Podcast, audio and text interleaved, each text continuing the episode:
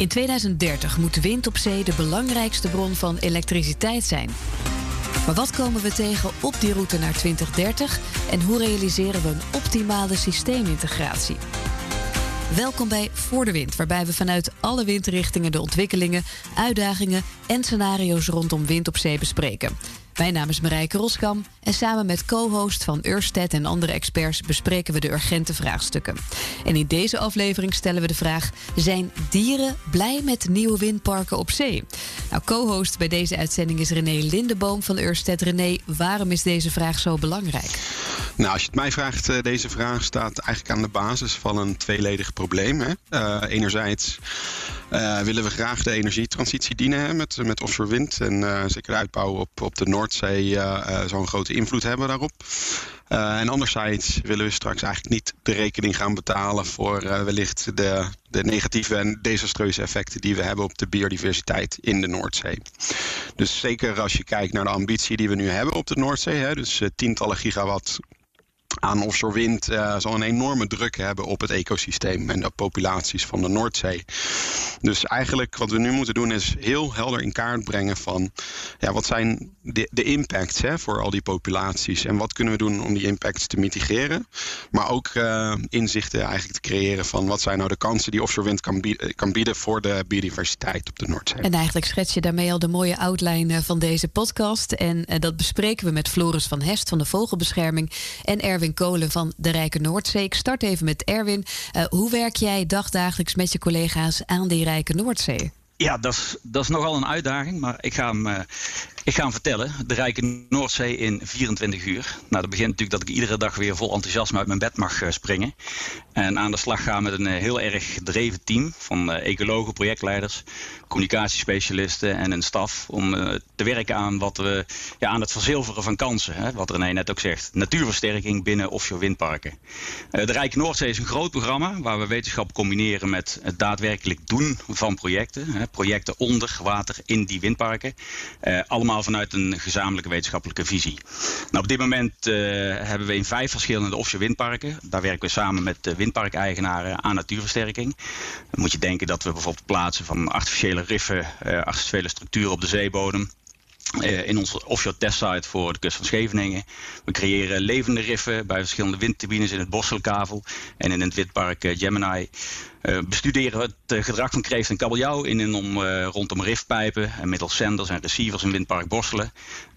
we monitoren het gedrag van onderwaterleven binnen en buiten de funderingen van die windturbines in Hollandse kust Zuid. In die fundaties zitten namelijk gaten ter behoeve van waterverversing. Nou, in een gat kan ook iets in en iets uit. met een speciaal ontwikkeld meetframe in samenwerking met NIOS filmen we letterlijk de biodiversiteit binnen in die fundaties. Dus elke keer ook weer heel spannend wat voor beelden we gaan zien. We verzamelen daar ook heel veel data binnen en buiten die palen. Want we moeten natuurlijk ook dingen kunnen vergelijken. Nou, en niet te vergeten hebben we nog een, een kweeklijn, een kweeklijn voor platte oesters op land. Waar we samen met de onderzoeksinstituten, opleidingen, marktpartijen uh, werken aan het betrouwbaar kweken van de platte oester. Dat is een, ja, een hele mooie, geweldige rifbouwer die vroeger voorkwam in ruim 20% van de Nederlandse Noordzee. Helaas niet meer. Uh, en dan zijn we er nog niet, want dit is dan een beetje zo wat we s ochtends doen. Uh, na de lunch gaan we nog eens even aan de slag met uh, innovaties. Die we bijvoorbeeld samen met Echt en met uh, Teki Wind op Zee... met een Offshore Wind Innovation Challenge uit de markt halen. En op die manier geven we eigenlijk start-ups en MKB-bedrijven de kans... om in die mooie windsector te kunnen innoveren. En ons een beetje tegen het eind van de middag dan uh, moeten we nog wat werken aan lobby. Hè? Want uh, zowel bij de overheid als bij de windsector. Om, uh, om nationaal, maar ook zeker internationaal die natuurversterking voor onze Noordzee een vanzelfsprekendheid te laten zijn. Bij het ontwikkelen van die nieuwe parken. En dat, en dat is nodig, want we hebben het over minimaal nou, als je kijkt, uh, gisteren 150 gigawatt in 2050 voor de kust van onze buurlanden. België, Nederland, Duitsland en Denemarken. Uh, nou ja, on onze, onze founding fathers, zeg maar, Natuur en Milieu en Stichting de Noordzee, die zorgen er ook nog voor dat we als het Rijke Noordzee goed zijn aangesloten bij het Noordzeeoverleg. Uh, daar wordt eigenlijk vorm gegeven aan afspraken die gemaakt zijn in, in het Noordzeeakkoord. En dan is ja, de dag wel zo'n beetje om. Maar zijn wij nog niet helemaal klaar.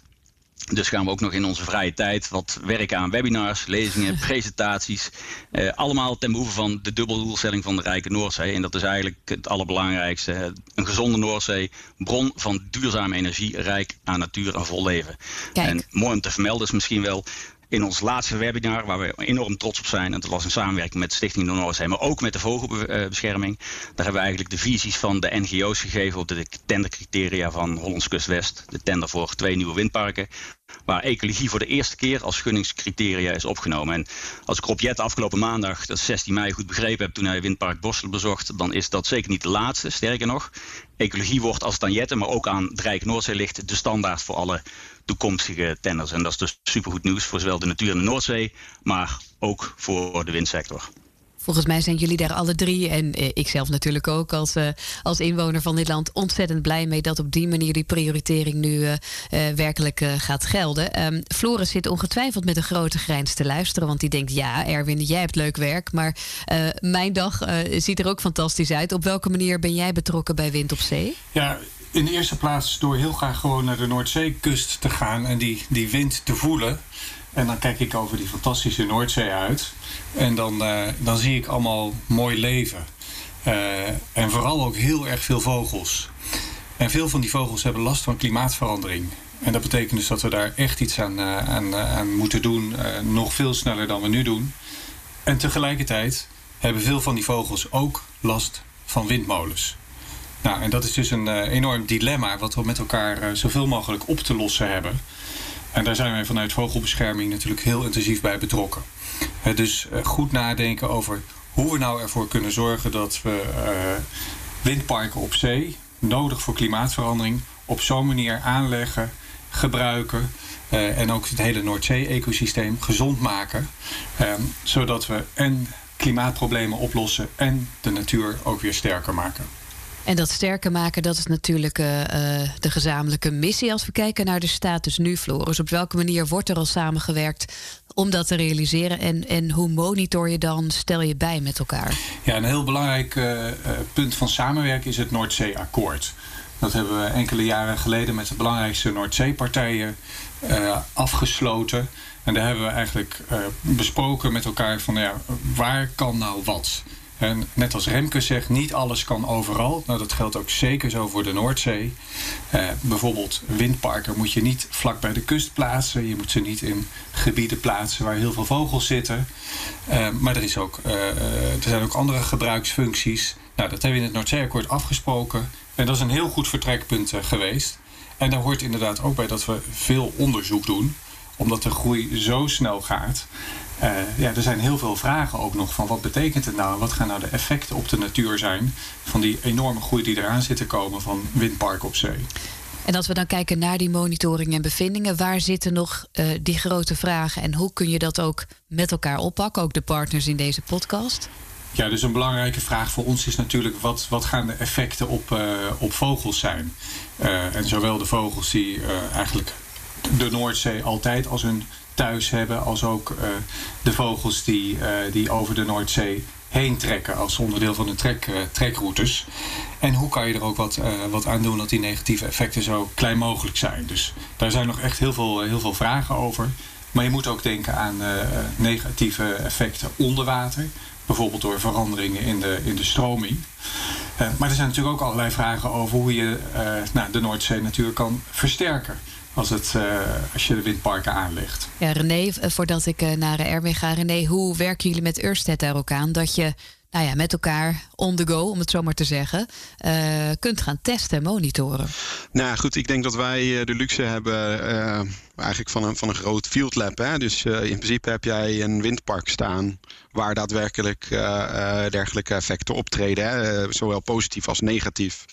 En uiteindelijk denk ik dat het van belang is dat wij uh, ja, meten is weten. Hè? Dus dat wij goede monitoring daar neerzetten. En daadwerkelijk ook die informatie die, die wij daarmee opdoen, ook delen met, met de juiste partijen. En, en natuurlijk, wij kijken dan heel beperkt naar één windpark. En als je zeg maar de toekomst uh, meeneemt, dan gaat het over meerdere windparken. Hè? Dus dan gaat het ook over cumulatieve effecten. Dus zeg maar uh, de dataset die je eigenlijk creëert in dat windpark, kan die ook zeg maar uh, toekomstperspectieven dienen. En ik denk dat dat belangrijk is in een samenwerking met met de rijke Noordzee en de vogelbescherming om juist die inzichten uh, met elkaar te delen en ook met elkaar te bespreken. Ja, Erwin, hoe kijk jij naar de status nu, naar de monitoring, samenwerking? Ja, mooi. René heeft het natuurlijk over één groot field lab. En uh, de Rijke Noordzee werkt met, uh, met, met partners samen, waardoor wij dingen mogen doen in, in, vijf van die grote field labs. en, en Floris haalde het ook al aan, hè, onderzoek en, en, versterking. Maar om te weten wat de impact, en vooral onder water voor de Rijke Noordzee eh, wat de impact is, moeten we eerst ook echte dingen gaan doen. projecten daadwerkelijk offshore uitvoeren en gaan monitoren. Uh, René zei het net ook al, meten is weten. Nou, dat is mij als techneut ook altijd uh, geleerd. De, dus ieder project wat we doen bestaat niet alleen maar uit een gedegen projectexecutieplan, waarin, waarin staat wie wat gaat doen, de verantwoordelijkheden, risicoanalyse, et cetera. Maar ook uit een uitgebreid monitoringsplan. waarbij natuurlijk heel belangrijk is die T0, die eerste monitoring. hoe is de situatie voordat er überhaupt iets is gebeurd. Maar daarna gaan we op verschillende momenten ook andere monitoringscampagnes uitvoeren. Uh, werkelijk op offshore expeditie. Om, om data op te halen. En, en beide plannen worden in samenwerking met ecologen en projectleiders, wetenschappers, maar ook externe project of professionals en natuurlijk het, projectteam van de windparkontwikkelaars waar we mee samenwerken, wordt dat vormgegeven. Dus samenwerking met, met zelfdoel maakt namelijk hele mooie projecten die ontzettend veel data opleveren en die, die data vertelt ons dan weer daadwerkelijk wat, wat, er, wat er gaat gebeuren. Ja, en dat is belangrijk, hè? dat je die data met elkaar deelt, dat je een, een nou ja, zo groot uh, mogelijke basis hebt om op, op te meten en, en verder te weten. Jazeker. Ja, ja en dat schreef op aan mag haken, dat René noemde net ook al, het, het gaat ook over cumulatieve effecten. Hè? Dus aan de ene kant heb je het meten binnen, binnen parken en binnen onderzoekspilots. En tegelijkertijd gaat het natuurlijk over de gezondheid van de gehele Noordzee, het gehele ecosysteem. En dat betekent dus ook dat al die data bij elkaar moet komen. Uh, en dat je kijkt naar, naar alle effecten bij elkaar. En daar zit natuurlijk ook weer een belangrijke taak voor de overheid om ervoor te zorgen dat dat goed samenkomt in een alomvattend onderzoeksprogramma. Nou, dat heb ik afgesproken met het Noordzeeakkoord. Uh, en ja, daar mag nu echt wel ook de versnelling in komen omdat we ook heel veel gaan versnellen nog met het aantal windparken op zee. En René, ik kan me voorstellen dat als ja, ontwikkelaar... dat je uh, graag goed met iedereen aan tafel wilt zitten... en dat dus ook jullie uh, taken een beetje veranderen. Hè? Dat je niet alleen maar uh, bouwt en neerzet en ontwikkelt... maar dat je dus als netwerker eigenlijk met al die data en partijen werkt.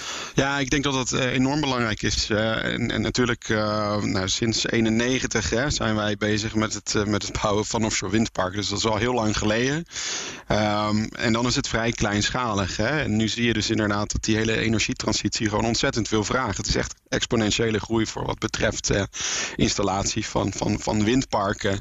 Dus ja, je kan je ogen niet sluiten en alleen maar zeggen van wij bouwen een windpark en that's it. Uh, je moet heel breed, dan moet je gaan samenwerken. En ik denk bij Ørsted zit dat, zit dat ook echt tussen, uh, tussen de oren. Hè, van uh, ja, wij, hebben, wij proberen één probleem op te, op te lossen, maar we willen dat niet vervangen met een ander probleem wat betreft biodiversiteit. Dus wij hebben ook inderdaad een ambitie omarmd om vanaf 2030 zeg maar net positief te zijn wat betreft uh, biodiversiteit voor alle parken uh, wereldwijd.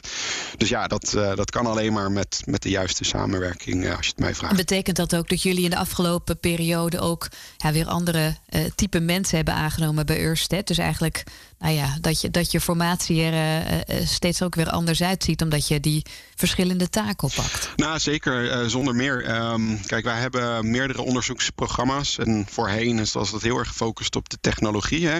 En sinds een paar jaar is daar dus ook echt een, een, een, programma dat, dat echt alleen maar focust eigenlijk op, op de ecologie-vraagstukken.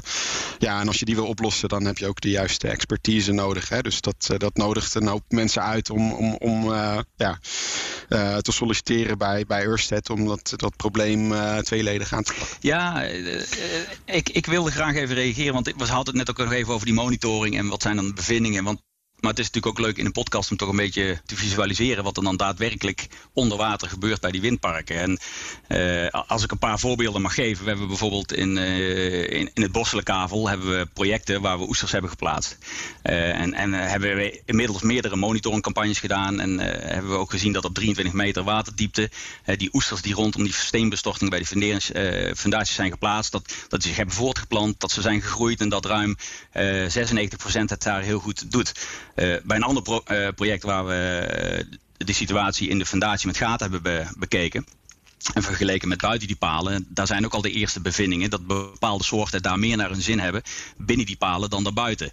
Uh, en dat zelfs de binnenkant van die palen uh, wordt bezocht door ook grotere uh, dieren. En een leuke anekdote daar is: we hebben ooit een, een meetframe ontwikkeld samen met het NIOS. Dat is ongeveer 1 bij 1 bij 1 meter, 20 kilo. Dat hebben we binnen in die monopaal op de bodem laten zakken. En die, die staat een week lang filmbeelden te maken en allerlei andere data te vergaren. En na zes dagen lag hij ineens op zijn kant.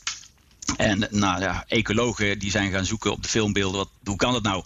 En inderdaad, het was een mystery guest. Uh, we zagen hem naar binnen zwemmen, ook weer naar buiten gaan. Ik mag nog niet vertellen wie, uh, maar wellicht in een, in een volgende podcast komt daar wel wat meer over. Maar ja, we zien dus hele gave dingen. En uiteraard zien we overal waar, waar windturbines geplaatst worden, wel meer biodiversiteit in windparken. Hè. Het is rustig, uh, er is geen bodemberoerende visserij, veel hardsubstraat, hè, de fundaties, de stenen. Dus ja, uh, allemaal gave plekken voor nieuw onderwaterleven om, om te schuilen, te wonen, te paren, te jagen nou, en, en, te bezoeken. Dus even toch om wat bevindingen mee te geven die we daadwerkelijk met die projecten ja, zien brengt mij ook op de vragen. Zometeen gaan we het nog hebben over nou, knelpunten, vraagstukken. Maar ja, zijn dieren blij met windparken op zee? Wie, wie zou er als eerste op willen reageren? Nou, ik, ik wil er wel iets over vertellen. Uh. Ik zal het heel kort doen hoor. Ja, Floris heeft denk ik een iets andere uh, kijk, die zit uh, boven water. Uh, de Rijke Noordzee, ik heb het met de ecoloog overlegd van... goh, zijn dieren nou werkelijk blij met windpark op zee? En dan krijg je natuurlijk hele lange verhalen en uitleg. Maar concluderend, als we samen de juiste natuurverstekende maatregelen invoeren... en blijven werken aan mitigeren van risico's... dan is er eigenlijk maar één antwoord vanuit de Rijke Noordzee leven onder water. En dat is ja. En Floris die, zal daar misschien wat een andere antwoord bij hebben, zoals gezegd. Floris, wat zou jouw antwoord nou, zijn? Mijn eerste antwoord is ook ja. Want uh, als we het niet doen, uh, dan, dan zullen we klimaatverandering ook uh, veel langzamer kunnen oplossen. En daar gaan ontzettend veel dieren last van hebben. Uh, wij ook als mensen, hè, laten we onszelf ook maar even als, als dieren benoemen. Uh, nou, we, we, zien, uh, we zien gewoon de, de vreselijke effecten die klimaatverandering kan hebben op heel veel gebieden, gebieden in de wereld. Maar het is natuurlijk wel een genuanceerde ja, want ja, vogels met name kunnen natuurlijk ontzettend veel last van die windparken hebben als je ze op de verkeerde plekken neerzet. Dus um, we, zullen dit, uh, we gaan het doen. Uh, we gaan het op een goede manier doen. Uh, en dan is het antwoord ja. Maar als we het niet op een goede manier doen en niet rekening houden met, met de natuur en de vogels, ja, dan, ja, dan, dan, dan, dan maken we helaas echt een, een hele grote fout door klimaatverandering op te lossen. Maar ja, vervolgens de natuur de prijs te laten betalen. Ja, en als we dan komen op kansen en knelpunten, jullie noemden het al even, hè, dan is die samenwerking essentieel. Uh, maar daarbij niet alleen uh, lokaal, nationaal, maar ook internationaal, Floris. Wat, wat, wat hopen jullie daarmee? Ja, kijk, die, die uh, natuur, vogels en ook energie, die houden zich natuurlijk allemaal niet aan grenzen. En op het moment dat je aan in het ene land een, een windpark niet vlak bij de kust bouwt, omdat dat een slecht effect heeft op trekvogels. En meteen aan de andere kant van de grens doe je dat wel. Ja, dan, uh, dan ben je natuurlijk niet goed bezig. Uh, dus die internationale samenwerking om naar het hele ecosysteem te kijken, maar ook naar het hele, eco, uh, het, het, hele energiesysteem, ja, die is echt essentieel. En tot nu toe konden we nog best wel een aantal zaken nationaal regelen. Maar de versnelling en een aantal gigawatts die zijn nu zo enorm gigantisch dat we echt een, ja, eigenlijk een internationaal plaatje van de Noordzee moeten maken. Van waar gaan we nou wat doen? En we moeten echt weer terug naar eh, ruimtelijke ordening op de Noordzee. Precies. En René, ik kan me voorstellen dat daar internationale, volgens mij is daar recent ook uh, met elkaar goed over gesproken, dat jullie daar ook een grote rol en verantwoordelijkheid in nemen. Nou, absoluut. Ik bedoel, wij, wij, wij zien onszelf als een, als een globale speler. Hè? Dus, uh, dus ja, je kijkt ook over de grenzen heen. En uh, ik denk ook, zeker met samenwerkingen tussen verschillende partijen, internationaal, hè, op het internationale podium, moet je de handen in elkaar slaan, denk ik, om dit op te lossen. Het gaat om beleid, hè? dus wat Floris ook aangaf uh, als nou in het ene land het ene beleid geldt en in het andere land het andere beleid, dan ga je het probleem niet oplossen. Dus, dus je, je, moet dat, je moet dat samen doen. Uh, dat moet in samen, samenwerkingsverbanden die internationaal zijn, waarbij je dus ook autoriteiten eigenlijk meeneemt en eigenlijk ja, de, de hele supply chain autoriteiten meeneemt om dit, om dit op, te, op te lossen. Ja, heb je daar een voorbeeld van? Dat je met elkaar aan tafel belandt en nou ja, de kaarten erbij pakt? Zou, zou ik daar een voorbeeld van kunnen Ja, geven? Ja. Eh, want we hebben dat in Nederland hebben dat gedaan met het, eh, eh, met het Noordzeeakkoord. Waar we dus tot 2030 hebben bepaald van ja, wat zijn nou de gebieden waar je echt de natuur wil beschermen. Wat zijn nou de gebieden waar je gaat zoeken naar extra windparken op zee. Wat zijn nou de gebieden waar je andere activiteiten kan ondernemen. En dat werkte eigenlijk gewoon heel goed. Want wat dat doet is dat het zekerheid creëert voor alle partijen. Je weet waar je naartoe werkt en daar kan je volgens aan aanpassen. Wat dat nodig heeft, is dat, eh, dat de overheid wel echt die rol pakt. Hè, want je hoort eigenlijk, nou, je hoort zowel René als Erwin als mezelf zeggen van nou, we, willen, we hebben elkaar nodig, we moeten gaan samenwerken. Maar om uiteindelijk alles bij elkaar op te tellen en dan goede besluiten te nemen, daar heb je die overheid voor nodig. Bijvoorbeeld eh, door vast te stellen, ja, waar mag je een windpark nou wel bouwen en waar niet. Of bijvoorbeeld door vast te stellen, wat René net al noemde, dat je eigenlijk wil dat ieder windpark gebouwd wordt met een plus voor de natuur. En op het moment dat de overheid die strakke regels uitzet, dan kan de markt vervolgens ook weer heel mooi zijn werk gaan doen. Goed om eh, te horen. En afsluitend, eh, als we kijken naar de komende 30 jaar. ehm, waar hebben jullie ongelooflijk veel zin in? Hè? We hoorden net al zo'n fantastische werkdag eh, van Erwin. Uh, Floris, als ik jou mag vragen, hoe, welke rol zie je voor jezelf en, en waar kijk je naar uit? Ja, waar ik heel erg naar uitkijk is dat we de Noordzee ook weer gezond maken. Hè? Dus er is nu een enorme verandering gaande. Eh, echt een verbouwing van de Noordzee. Eh, als we dat op een goede manier doen, dan kunnen we ook allerlei problemen uit het verleden tegelijkertijd oplossen en die Noordzee eh, gezonder maken dan die nu is. En dan hebben we dus een situatie waarin we en heel veel duurzame energie hebben, en duurzaam voedsel uit de Noordzee, duurzaam transport en vooral ook fantastische Noordzee natuur en fantastische vogels die daarboven vliegen. Mooi om te horen. Erwin? Ja, waar, waar wij heel blij van worden bij de Rijke Noordzee is uh, een van onze doelen verwezenlijken en dat is natuurversterking ook borgen in beleid. Eerst nationaal, maar daarna ook heel snel internationaal. Want ja, het is al vaker gezegd, natuur kent geen grenzen, maar ook vanuit een level playing field. En Nederland wordt nu binnen de windsector wel als voorloper gezien. Hè, wat betreft tendercriteria voor wind op zee. Nu hebben we natuurlijk ook weer met Hollandse Kustwesten een primeurgunning op basis van ecologische innovatie. En onderaan die streep gewoon een, dikke ecologische plus kunnen schrijven. En ik denk ook dat goed voorbeeld uh, goed doet volgen, ook richting andere gebruikers. Hoe mooi zou het dan toch niet zijn en eigenlijk niet meer dan logisch als iedere gebruiker van de Noordzee de zooi een stukje beter achterlaat dan toen hij hem kreeg.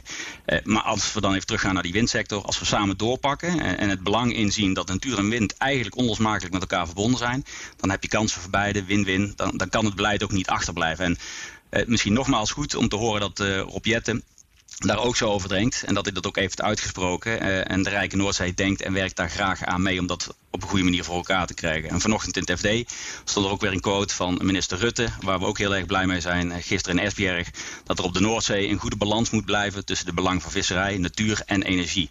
En wat ongeveer vijf jaar geleden begon als een droom, hè, wordt voor de Rijke Noordzee dan in ieder geval toch wel sneller dan we denken de nieuwe werkelijkheid. Mooi om te horen, René. Dit moet een feest zijn om met deze partij te werken. Absoluut, absoluut. Ik hoor hier synergie en harmonie. En ik denk, uh, ja, dat, dat willen wij ook onderstrepen. Dus met de uitbouw van de wind. Uh, om, om daadwerkelijk uh, ja, het biodiversiteitsprobleem ook, ook op te lossen. Dus dat klinkt als muziek in de oren, inderdaad. Wij hebben antwoord op onze centrale vraag. En ik wil jullie ontzettend danken voor jullie bijdrage aan de podcast. En ook dus aan uh, die rijke Noordzee. Uh, en een uh, goede biodiversiteit. Dank Floris van Hest, Erwin Kolen en René, mijn co-host van Ørsted. Fijn om zo met elkaar te spreken. Ik wens jullie een hele mooie werkdag verder. Ja, dankjewel. Dankjewel. Ja, bedankt. En ook dank voor het luisteren. Voor meer informatie beluister alle vierde afleveringen via de BNR Podcast app en ga naar ursted.nl slash Nederland. En Ursted schrijf je met een O.